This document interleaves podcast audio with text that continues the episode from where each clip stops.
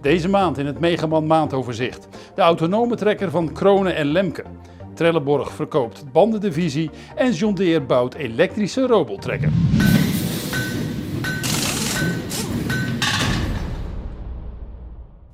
De Duitse machinefabrikanten Krone en Lemke werken samen aan de ontwikkeling van een autonome trekker. VTE, zo heet de trekker, en hij is voorzien van een diesel-elektrische aandrijving.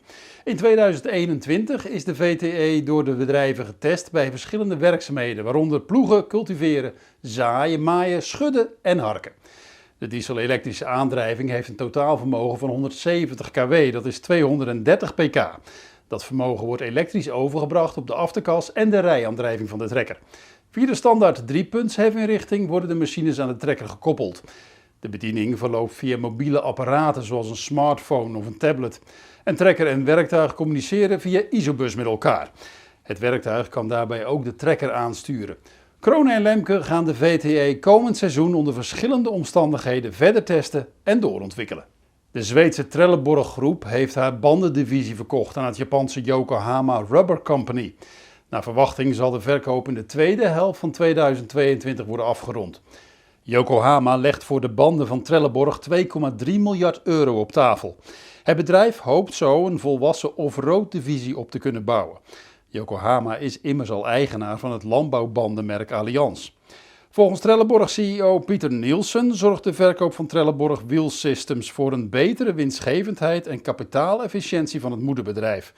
Nielsen geeft aan dat het concern na de verkoop van de bandendivisie zich meer kan richten op polymeeroplossingen voor onder meer de gezondheidszorg, de automatisering en de ruimtevaart.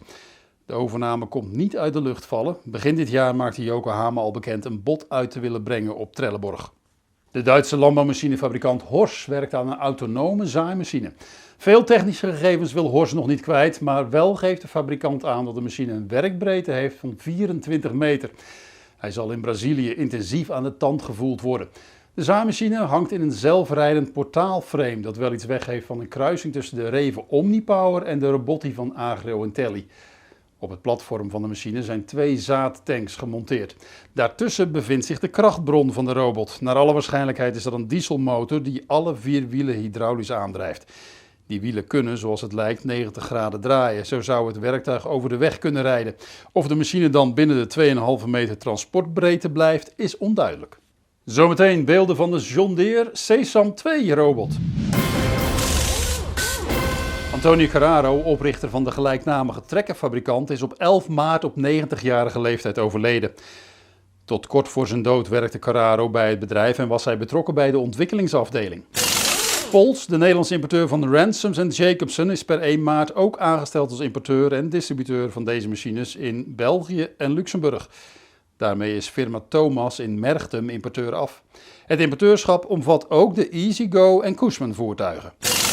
De Deense melkmachinefabrikant SAC stopt per direct met de verkoop van de Futureline Elite melkrobot. In plaats daarvan voert SAC nu de Gemini-robot van moederbedrijf Baumatic, maar dan in SAC kleuren. En dan nog dit. Trekkerbouwer John Deere werkt nog steeds aan de ontwikkeling van een elektrische trekker, zo blijkt uit een video op YouTube. De Sesam 2 heeft een 1000 kWh accupakket en kan zijn werk autonoom doen.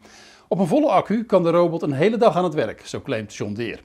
De trekker gebruikt 500 kW voor de eigen aandrijving en kan 1000 kW gebruiken voor externe machines.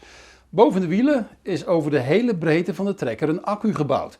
Vanwege dit grote accupakket is ook de trekker uit de kluiten gewassen, al geeft John Deere het gewicht van de machine niet prijs. Opvallend is de losse cabine in de fronthef van de robot. Op die manier kun je de trekker naar het land brengen. De communicatie tussen de bestuurderscabine en de trekker vindt draadloos plaats. Op het veld zet je de cabine op de kophakker en kun je één of meerdere robottrekkers op het veld aansturen. Tot zover de maand van Megaman. Meer nieuws vindt u op megaman.nl en in de vakbladen Landbouwmechanisatie, Veehouderijtechniek en Tuin- en Parktechniek.